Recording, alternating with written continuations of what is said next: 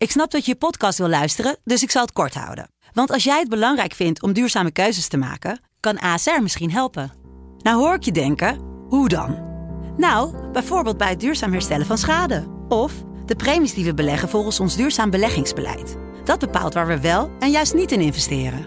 Wil je meer weten over welke duurzame keuzes ASR maakt? Ga dan naar asr.nl slash duurzame keuzes. ASR doet het. Zo, dan kan je nu lekker naar je podcast luisteren.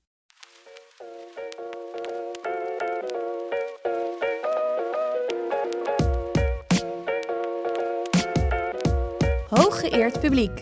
Dit is de cultuurgids voor Noord-Nederland.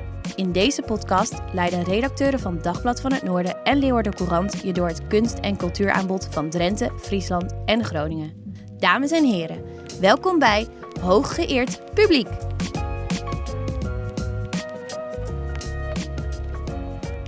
Met in aflevering 37 louter grote namen. Ik noem een Bram van den Berg. Ik noem uh, Martin Gerks. Ik noem uh, Bono Vox van U2. En The Edge, de gitarist. Ik noem Larry Mullen. Dat is geloof ik de bassist. Of is dat de drummer? Dat weet ik niet. Nou, in ieder geval, we krijgen ook nog Azing Baldhaus. We krijgen Jente Postuma. En we krijgen vooral Kirsten van Santen. We krijgen Arjen Reinders achter de knoppen. En dit is de stem van Joep van Ruiten. Ja, nou... Uh, we beginnen maar meteen eventjes met, uh, met Martin Kerks. Want Jacob Haagsma, onze popspotter, die heeft uh, uh, gemeld dat bekend is waarom U2 de drummer van Cresip heeft gestrikt voor de optredens. Ehm, Kirsten, dat heb jij ook vernomen, neem ik aan. En jij vraagt je waarschijnlijk net als ik af van hoe komt in hemelsnaam Martin Kerks op het spoor van U2? Ja. Heb je dat al achterhaald? Ja, die, die, nee, ja, hoe, hoe Garrix en U2, dat, dat, dat lijkt me niet zo gek, want dat zijn toch twee grootheden. Maar hoe komt Garrix op Van den Berg, de drummer van Cresip? Oh ja, okay. misschien hebben ze met elkaar op school gezeten? Ja, dat heb je goed, uh, Joep. Dat is uh, de Herman Brood Academie. Daar kennen ze elkaar in ieder geval ja, van. Ja, ja. Maar wacht even, even terug naar, jij noemt dat, uh, dat zijn grootheden, U2 en Martin Garrix. Dat zijn inderdaad hele beroemde. Zitten die in een soort appgroepje, vroegen wij ons af. Dat sluit ik niet uit. Dat sluit ik zeker niet uit. Die dus kennen elkaar, die, die appen, sms'en misschien nog wel. Die bellen zelfs misschien nog wel eens met elkaar. Dus het vermoeden bestaat dat er een wereldwijd hele grote appgroep is voor, voor wereldberoemdheden die elkaar voortdurend zitten te appen van... Ja. joh, heb je nog een drumstokje voor mij? Weet je een nieuwe drumcomputer of weet je een nieuwe drummer? Zoiets? nou ja, Zo... net, als onze redactie werkt dat een beetje. Wij, ja, wij appen elkaar toch ook best wel geregeld. Nee, het was een raadsel tot nu toe, Joep, hoe die Ierse band bij de Nederlandse muzikant was uh, terechtgekomen. Ja, ja. En uh, uh, nou goed, uh, Garrix heeft Van den Berg geïntroduceerd. En de, Edge, de gitarist van, van U2, vertelt aan collega Haagsma... dat ze meteen onder de indruk waren... zowel van zijn spel als van zijn persoonlijkheid. En dan citeer ik The ja, Edge ja, even... Ja, hij is heel lief en het is fijn om tijd met hem door te brengen. Dat is natuurlijk heel belangrijk, omdat U2 draait op diepe vriendschappen en relaties. Ja, en je kunt een drummer niet zomaar vervangen door een drumcomputer. Nee, daar moet je een Nederlander een voor mens. hebben. Mens van de heer Bram van den Berg. Nou, dat raadsel is opgelost. Maar we hebben wij ook nog een geluidje van de samenwerking tussen U2 en... Uh...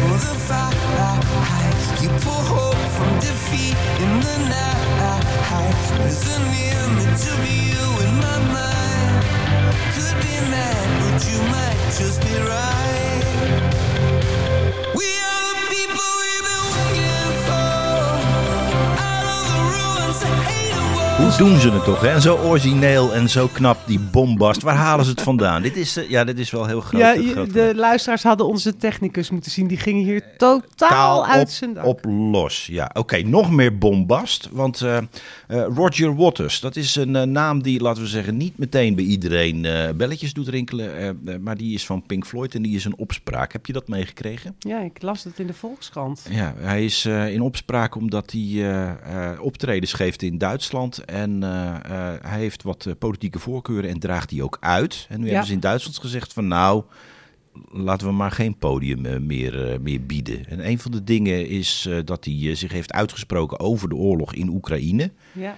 Hij zei, daar moeten we mee ophouden met die oorlog. Eh, dat lijkt mij heel erg verzin. Eh, maar dat werd ook meteen uitgelegd als een soort steun aan Poetin. Eh, hij eh, eh, zou zich eh, antisemitisch hebben uitgelaten. Ja, hij is kritisch over Israël. Hij zegt zelf, dat is wat anders. Eh, Ja, dat, ik geloof ook wel dat dat wat Ja? anders is, eerlijk gezegd. Ja, ja, ja. Ik denk eh, kritisch over Israël zijn, net als eh, Dries van Acht. Dat wil niet meteen zeggen dat je antisemitisch bent, lijkt mij. Nee, nee, ik heb hier verschrikkelijke ruzie met mijn vader wel eens over gehad. Die, toen ik als jongere kritisch was op, op Israël, dat mijn vader, nou ja, mij niet antisemitisch vond, maar wel daartegen aanschurkend. Dus het ligt ontzettend gevoelig. En Roger Waters is niet van de eh, eh, kleine symboliek. Bij hem gaat het ook meteen ruig. En die gevoeligheid, die, die treft hij volledig. Ja, maar mag je hem, eh, laten we zeggen, op hele uitgesproken meningen, want die heeft hij. En hij zegt ook van, ja, als je het niet met me eens bent, sodemieten dan maar op. Ga maar ergens Ga anders. maar naar de bar, Ga maar naar de bar, zegt hij dan. Hij zegt niet van lever je kaartje maar niet. Maar moet je dan zo'n zo'n man dan geen podium meer bieden? Dat is de vraag. Hij komt nog in, in Nederland in april. April. Ziggo Dome. Eh, drie avonden achtereen. Nou, ik vind eigenlijk. ehm, eh, ik vind, hij is geen antisemiet. Hij is inderdaad kritische richting Israël. Ik vind het een visionair, die man. Want als je kijkt wat hij tien jaar geleden Shell al aanpakte.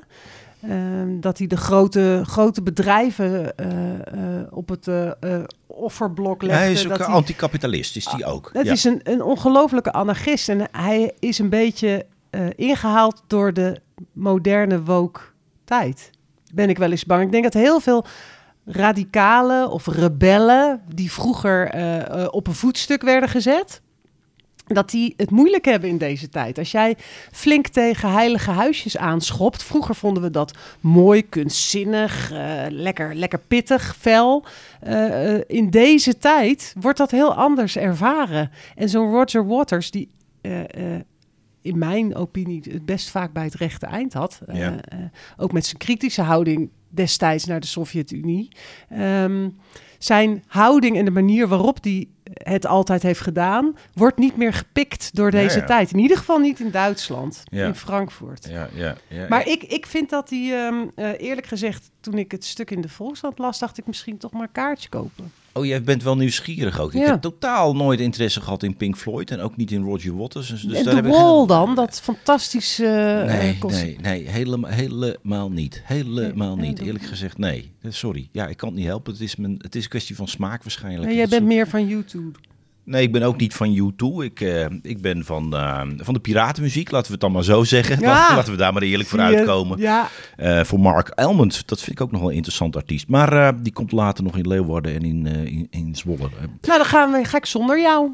ja, dat is, dat is heel goed. Nou, ik vind, om het eventjes af te ronden, ik vind niet dat je zo'n man zijn podium moet ontnemen. Ik vind gewoon als fan moet je daar gewoon kritisch naar volgen. Moet je dat volgen en denken van, ja, wat vind ik daar nou van? Wil ik daarbij staan? Wil ik zo'n man toejuichen of niet? Dus het is aan de fans, niet zozeer aan de sociale media om iemand af te branden. Al wordt de sociale media natuurlijk ook wel bevolkt door fans, maar Ja. het zijn meestal wel tegenstanders eh, die dan de... Ze hebben als, als, als band ook ruzie, geloof ik, eh, onderling. Dus het is wel ruzie overal om hem heen. Om geld waarschijnlijk, of om politiek, wat denk jij? Alles. Beide, ja, oké, goed. Nou, Hangt eh, vaak ook samen. Ja, ja. zoals altijd eh, eh, hebben we ook een speciale gast. En eh, die speciale gast, dat is eh, Jente Postuma. En daar gaan we even mee bellen met Jente Postuma. Eh, wij nemen deze podcast op tijdens eh, Nationale Vrouwendag. Nou, Internationale Vrouwendag. Ja. En eh, er verschijnt een boek op Vrouwendag. Dat heet Heks, Heks, Heks. Waarin Jente Postuma laat zien hoe lange tijd over heksen is gedacht en geschreven. Ik hoop dat we Jente aan de lijn krijgen. Met Jente. Dag Jente, goedendag. Je spreekt met Joep van Ruiten van de cultuurpodcast van Dagblad van het Noorden, Leeuwarden Courant. Hooggeëerd publiek. Tegenover mij zit Kirsten van Zanten. Hallo. En eh, ik, heb, ik heb net jouw, eh, jouw boek eh, geïntroduceerd. Ik was halverwege de, de zin waarin ik zei dat jij laat zien in Heks, Heks, Heks hoe lange tijd over heksen is gedacht en geschreven. Dat waren Ja. vrouwen. Maar wat waren dat voor vrouwen, heksen? En waarom moesten ze dood of op zijn minst verkracht worden? Dat is eh, wat bij mij opkwam. Nou, dat, zijn vra- Ja. dat lijkt me bij jou een aantal, aantal, aantal vragen, om het zo eventjes te zeggen. Eh, Ja, ja, goede binnenkomer. eh, ja, het is, wij hebben vandaag hebben wij een voorpagina die gaat over de femicide. Uh, hele Ja. mooi, hele indrukwekkend verhaal. En dan vooral over eh, vrouwenmoord in, eh, in, eh, in, in Nederland. Wat, wat heel erg, nou, daar sluit dit wel een beetje op aan. Maar eerst eventjes naar jouw... Ex-partners die vrouwen vermoorden. Precies, ja. Ja, Ja, ja. Maar eerst eventjes naar, jouw eh, naar jouw boek. Vier teksten, drie hervertellingen van zagen Ja. over heks en een essay. Maar eh, die zagen, wat, eh, dat misschien is toch wel goed om eventjes uit te leggen. Wat zijn zagen en hoe zijn deze op jouw pad gekomen? Eh, zagen zijn eh, oude volksverhalen die eh, van generatie op generatie werden doorverteld. En ehm, ja, de zagen die ik eh, opnieuw vertel, dat zijn Overijsselse zagen. Drie zagen uit Overijssel die eh, ik niet kende, maar ehm, die zijn in 1914 opgetekend door Jozef Cohen, een schrijver. En er was een Twentse boekhandelaar die mij eh, vroeg om die verhalen opnieuw te vertellen. Maar eh, dat heb ik gedaan. En eh, ik heb zoveel veranderd daaraan dat hij eigenlijk.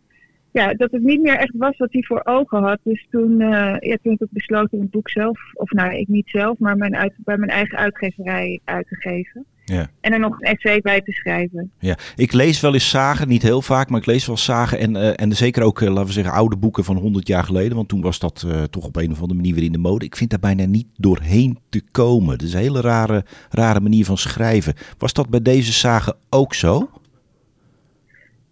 Ja. ja, het was wel echt een oude taal.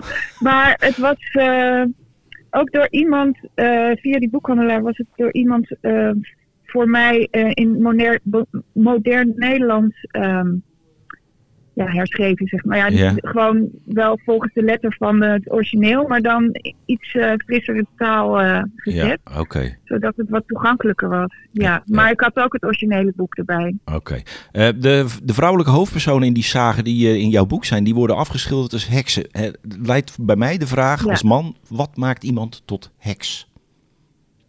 Ja, ehm, vroeger eh, dacht men dat. Ja, vroeger zei men een heks is een vrouw die seks heeft met de duivel en, en bovennatuurlijke krachten daardoor bezit, waardoor ze mensen het kwade pad op wil brengen. Eh, dat stond in de, Heksenhamer. Dat is een oud boek dat werd gebruikt bij heksenvervolgingen als een soort handboek. Een heel uh, misogyn boek. Ehm, maar in de praktijk ehm, kon eigenlijk eh, iedereen wel als heks worden aangemerkt. eh, nou, voornamelijk vrouwen. Maar op het ehm, dieptepunt van de heksenvervolging, dus in de 16e eeuw, toen liep het heel erg uit de hand. Ja, toen. eh, eh, ja, eh, maar voornamelijk waren het ehm, zelfstandige vrouwen, als ik het goed begrijp. Ik heb me er een beetje in verdiept, in een historisch of academisch onderzoek daarover. Ja. Ja, Zelfstandige vrouwen die niet goed pasten in eh ja, die patriarchale structuur. Ja, oké, dat waren de, ja, inderdaad eh, eh, zel- zelfbewuste, sterke, ster- sterke vrouwen. In, in de literatuur kun- kom je ze eigenlijk nauwelijks nog, nog tegen. Zijn heksen verdwenen? Ja, Suzanne Smit is natuurlijk wel iemand die Ja. zich daarop laat Ja. voorstaan. Maar kom je ze nog wel tegen, heksen? zeggen, Ja. ja, volgens mij wel. Volgens mij eh, eh, heeft het juist wel weer een beetje een opleving. eh.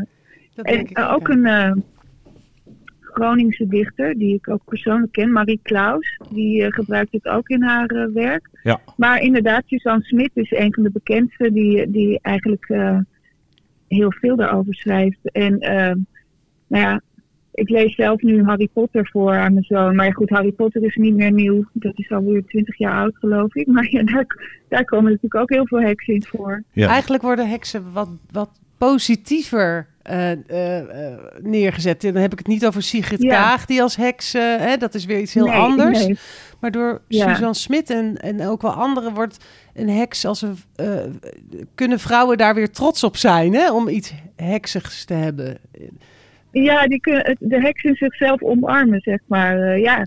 En ik denk in feministische kringen is het al heel lang een, een soort icoon, de heks. En, en ook ehm, in de jaren 70 of 80 al eigenlijk. Maar dat, dat eh, ja, Ik, ik heb het de ook laatste gelezen. jaren komt het weer opnieuw. Ja, ik heb je boek ook gelezen. Ik vond het heel erg een, ehm, eh, alsof je een.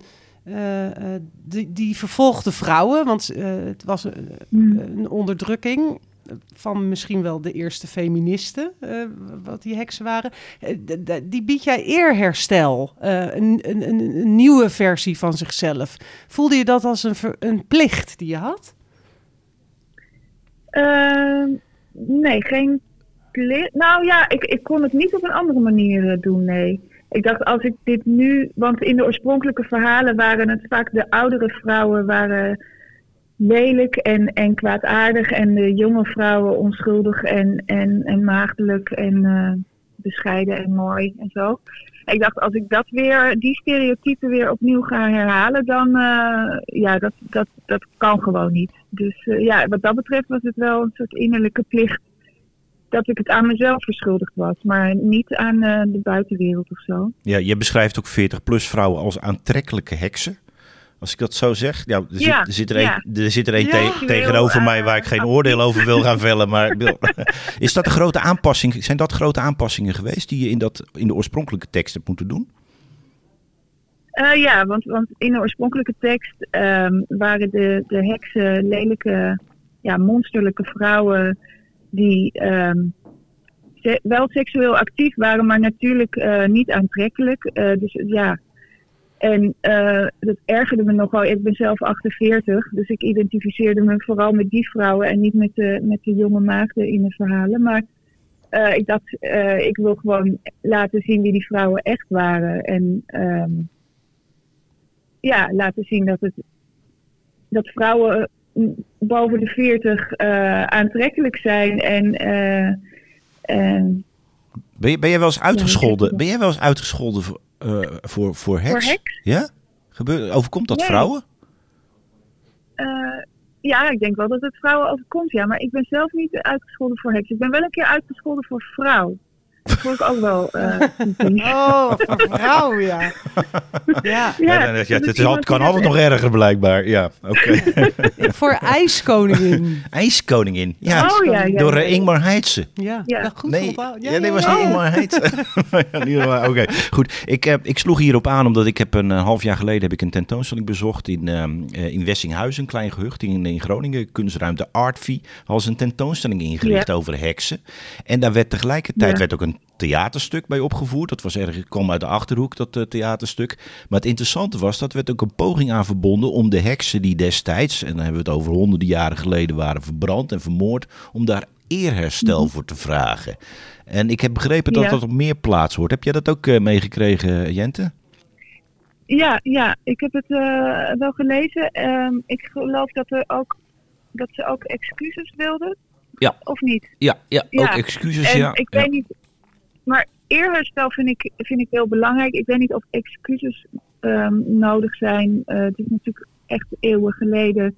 Is iets anders dan de slavernij, die nog redelijk recent was. Maar eerherstel, ja zeker, daar sta ik wel achter. Omdat eh, ik vind het eigenlijk absurd hoe, hoe lacherig er wordt gedaan over de heksenvervolgingen. Het was gewoon een grootschalige moordpartij. En mensen maken er een dagje uit van. Die gaan naar Oudewater en daar giechelend op de weegschaal staan. Eh, ja, Ja, ja. dat vind ik eigenlijk heel vreemd. Ja, jij trekt die parallel met de slavernijvervolging. Eh, werkt eigenlijk, het slavernijverleden werkt door in het heden. Is het heksenbeeld uit de middeleeuwen, werkt dat ook nog door in het heden? Ja, bij, bij Kaag zou je dan Ja, of zeggen. dat. Ja, ik, ik denk het wel. Ja, of dat echt zo is, weet ik niet. Maar, maar ehm, ik geloof dat het Suzanne Smit was die kwam met de term eh, brandstapelangst. En toen ik dat voor het eerst las, toen eh, raakte dat wel iets in mij. Ik dacht, van ja, dit, ze bedoelde daarmee de angst die veel vrouwen hebben om zich openlijk uit te spreken. Eh, de angst om hun hoofd boven het maaiveld uit te steken, omdat die er meteen wordt afgehakt. En als je bedenkt dat ook op social media vrouwen die eh, zich openbaar uitspreken veel sneller worden aangevallen en, en haatberichten krijgen dan, dan mannen, dan Ja. gaat dat nog steeds wel op. Ja. En die angst voel ik zelf ook wel. Ja, en op hun uiterlijk worden Ehm, beoordeeld. Ja, ja. Ook dat. Ja. Hoe, hoe Ja. voel jij die angst dan? Want daar schrijf je ook wel wat over. hè? Het komt bij jou in de taal tot uiting, schrijf je. In de, sorry. In de taal, dat je als je op je... Oh, als- in de taal, ja. vertel eens, eh, hoe werkt Ja. dat bij jou? Nou, eh, ik, ik ben. Ja, hoe werkt dat bij mij? Ja, ik, eh, ik ben redelijk laat gedebuteerd, op, pas na mijn veertigste. Eh, ik heb heel lang. eh, ik vind het, het, schrijf, het hele schrijfproces heel erg moeilijk. Ik, ik, die woorden die komen bij, bij mij van heel ver. Ik vind het heel moeilijk, ben ik achter om mezelf echt uit te spreken. Hm? En ik was vroeger niet een, uh, een bedeesd meisje of zo, maar, maar wel iemand die heel veel weglachte en, en veel relativeerde en eigenlijk mezelf niet zo serieus nam. En sinds ik uh, dus boeken publiceer, merk ik dat ik dat steeds meer begin te doen. En dat het wel een worsteling is, omdat het, ja, uh, omdat ik mezelf toch wel heel erg heb uh, veronachtzaamd, ben ik achter. Nou, goed dat je dat nu doet in ieder geval. Ja. mijn compl ja. complimenten daarvoor. Wat mij uh, onder meer aanspreekt in, uh, in, in jouw boek is uh, het essay waar je mee besluit. En daar komt een citaat van. Immanuel Kant in voor. We richten ons verstand niet naar de werkelijkheid. De werkelijkheid richt zich naar ons verstand. En je schrijft dat we de structuur in de werkelijkheid aanbrengen die er niet als zodanig in zit. Dat we verhaaltjes bedenken om orde in de chaos te scheppen. Waarom heb jij dit op willen voeren in dat essay? Waarom is dit belangrijk? En ook in dit verband van die heksen? Nou ja, omdat uh, we dus steeds hetzelfde verhaal opnieuw lijken te vertellen. En uh, dat gaat ook op voor die, voor die heksen. De, die oude zagen die bevestigen bepaalde stereotypen over vrouwen, um, met name. Um, die steeds opnieuw worden herhaald in allerlei vormen, in films en series, in boeken, uh, ook moderne vertellingen. Uh, blijft dat maar onderhuid doorspelen. En het is heel belangrijk om daar andere verhalen tegenover te zetten. En zoveel mogelijk. Ik ben maar een van de velen die dat uh, probeert. En het mag nog uh, veel meer wat mij betreft. Ja, nou je hebt het op een overtuigende manier gedaan in ieder geval. We zijn blij met je boek. We zullen het aanbevelen bij, oh, uh, bij Jan en Alleman. Dankjewel. Uh, we willen je danken voor dit gesprek. en wellicht tot de volgende ja, keer. Oké, okay, dankjewel. Oké, okay, dankjewel. Dag.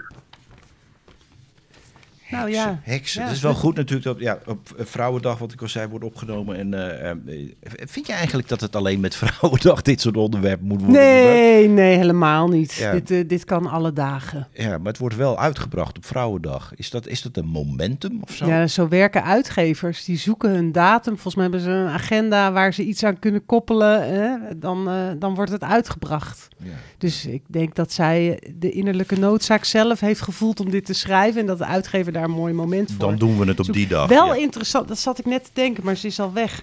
Waar, waar ligt dan de grens, hè, om het nog maar weer even zwaarder aan te zetten?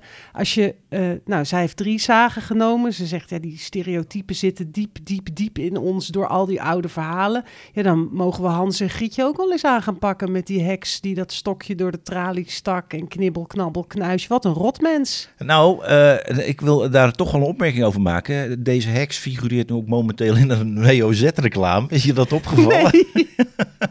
Hans en Grietje die zijn dan in het bos en dan zit de heks, die wordt, die wordt Hans en Grietje wijzen de heks erop dat je reclame kunt, hoe heet dat, uh, bezwaar kunt aantekenen tegen de WOZ-waarde. dat gaat de heks dan doen. Dus het beeld verandert al, het verandert al heel goed. Hé, dat is wel fijn. Ja, dat is wel fijn. Nou, en ook mede dan dankzij Jente Postuma en haar boek Heks, Heks, Heks. Uh, we gaan naar de column van Azing.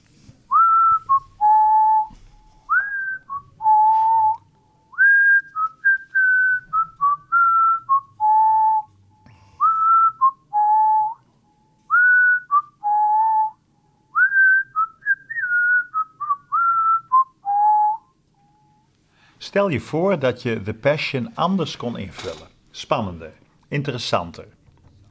Sinds het spektakel in 2015 in Enschede was, met 3,6 miljoen kijkers, daalt de belangstelling gestaag.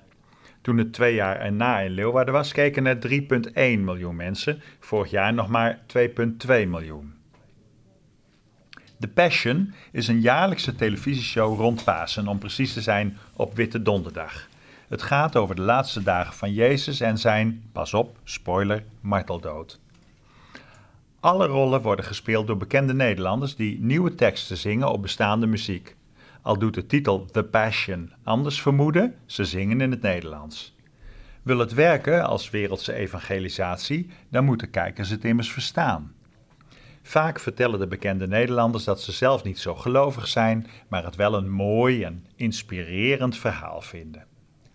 De afgelopen dagen konden we lezen wie op 6 april die rollen gaan vervullen als The Passion in Harlingen wordt opgenomen. We zullen zien hoe leuk dat wordt en welke liedjes ze zullen gebruiken, maar Ik durf te voorspellen dat het braaf, gedragen en voorspelbaar zal zijn. Er is na zoveel jaar Passion nooit eens iemand bij de KRO-NCRV die zegt: Dit weten we nu wel, we gaan het dit jaar eens een keer helemaal anders doen. Waarom niet eens een vette Metal Passion? Passion Core, geef het maar een naam, waarin alle apostelen en Jezus headbangend aanschuiven bij het laatste avondmaal. Of een Passion waarin de paar vrouwenrollen gespeeld worden door mannen en andersom. Een drag Passion, een Passion Polonaise met het kruis voorop, een Passion te paard, een Passion met Friese politici, voorzetje Aantjelle Soeboer als Barabbas, Arno Brok als Pontius Pilatus en Judas. Zeg het maar. Er is wat lef voor nodig, maar met zo'n ingreep is de passion zo weer in fashion. Hier maakt Azingen toch wel een beetje een lolletje van. Hè? Ik, bedoel, ik snap best dat je oude verhalen mag hervertellen en mag een beetje mag aanpassen, maar dit gaat wel heel ver. Dit, eh, jij, zou jij kijken als er een metal eh, passion kwam? Nee, Of een piratenmuziek passion? een piratenmuziek, ja, dan zou ik nog wel kijken. Ja, ja dat, eh, dat, dat, dat noopt inderdaad wel tot een bepaald soort creativiteit die wat spannends kan opleveren. Voor Roger Waters als Jezus? Ja, het is nu een soort musical passion. En ik hou niet zo van musical. Dus de- dat speelt mee. De, de, de vorm waarin het wordt gegoten is bijna altijd hetzelfde. Ja. Bekende Nederlanders. Ja, het heeft het een beetje op. formule. Het schijnt overigens, het is geëxporteerd naar de Verenigde Staten. Ik weet niet of het daar ook is aangeslagen. Nou, dat moet haast wel. ja, dat is Daar wel, zijn ze dat is wel, een, wel, een land, eh, wel een land ervoor. Maar goed. Harlingen is er wel heel erg mooi decor natuurlijk. maar is ja. verder een, nou, eh, ik, ik zou haast zeggen bijna een wat eh, goddeloze stad. Eh, Oh, het ja? is een rauwe havenstad. Ik ken hem zelf aardig goed. Dus ik, ik, vind, het, ik vind die match nog zo merkwaardig. En in de gemeenteraad is er ook wel wat geroesmoes over. Van moet dit nou hier? Maar er was gewoon klacht dat mensen die eh, naar Harlingen gingen en alleen maar op de boot stapten om, eh, om, om, om de plaats dat van zei de dit burger. Het is toch een fantastische reclame. Dat men toch een beetje ziet dat het zo'n leuk stadje is. Het hè? is natuurlijk ook gewoon city marketing. Zo is het destijds dat- in Leeuwarden ook opgepakt. Ja, in Groningen hebben we het, hebben we het ook gehad. Ik ga niet kijken in ieder geval. Eh, ik eh, sluit niets uit in mijn leven, dus ik sluit ook niet uit dat ik ga kijken. Maar ik, het staat niet in mijn agenda met een rode stift of zo. Jij gaat Nee. lezen zeker weer. Ja, vermoedelijk. Ik zag jou laatst op tv, maar ik heb je niet gehoord, want ik was aan het lezen. Ik had het geluid uit. Nou. Ik mocht bij André Kuipers in de ruimtevaar... Ruimte, eh, schip aarde zat ik als waterambassadeur. Ja, oké. Nou, eh, Nou, het zal een hele bijzondere ervaring zijn Ja. geweest. eh. de, beelden, de beelden waren goed. eh. Eh, Mm. eh, ja, lezen. Het is Boekenweek binnenkort. En eh, we gaan, eh, gaan afronden met het Boekenweek gedicht. Want dat is geschreven dit jaar door niemand minder en ook niemand meer dan Tjeerd Bruin. Ja. Even Ja. over de Boekenweek, Joep. Wanneer Ja. begint die? Die begint de 11e. En die duurt tien dagen. Ja, die duurt langer dan een week. Het is wel een boekenweek, maar daar begint het al. Eh, letterlijk moeten we moeten het niet al te letterlijk Nee, nee. nemen. Ja, ja. Eh, het eh, geschenk is geschreven door Lise Spit. Het essay door Raoul de Jong. Die, Het thema, het thema is: je bent alles. Je Is bent dat het? alles. Ja, je bent alles. Ja, het gaat over identiteit. Gaat het. En eh, het gedicht van Tjeerd Bruinja sluit daarbij op aan. Zijn gedicht is Anders ben ik met jou. Dat verschijnt in het Nederlands. En uiteraard, Tjeerd zou het dus niet doen, ook in het Fries. En toen kwam er een voorstel van Guillaume Paul. Dat is eh, eh, een spoken word man uit, eh, uit Haren om het ook in het Srenang Tongo te doen. Nou, dat vond, vond een goed idee. Want Tjeerd heeft net zo'n bundel uitgebracht met alle Ja. talen in het Nederlands Koninkrijk. En nou, daar hoort het Fries bij. En er hoort ook het Drents bij. En wij gaan luisteren naar de Drentse versie van het eh, Boekenweek gedicht. En dat wordt voorgedragen door niemand minder dan Herbe, eh, Egbert Hovenkamp 2. Dank u wel. Tot ziens. Aanspink met je. Eindbenkje. Nederlange vreemd. Umgeem, untgeem, opgeem je, met wel het dik aan is. Met wel ik door het leven ga. Met wel ik door het leven moet, ben ik aas. Aanspink met je. Aas en nood. Eigenbenkje. Een sievert, besievert, opnum, deelt, eigen. Niet langer vreemd. Boom, vieg en blad bent wij. Bloot in onze genadige huden van locht. Of vilt door hoe hij mij, ik je bezee. Op een zwaard berre liek ik wit in een zwaard hok. kom ik los. Blief ik niet langer schriel en klein. Nood ben ik. Met je is ik een ander wel ik kan bezijn. Dit was Hooggeëerd Publiek, de cultuurgids voor Noord-Nederland. Een co-productie van de kunstredacties van Dagblad van het Noorden en de Leeuwarden Courant. Dank voor het luisteren. Wil je altijd op de hoogte zijn van onze nieuwste podcast? Neem dan een abonnement op ons in je podcast-app. Sterren uitdelen mag natuurlijk ook. Daarmee help je ook andere luisteraars om ons te vinden. Over twee weken zijn we er weer met een nieuwe aanvoer kunst. Tot dan!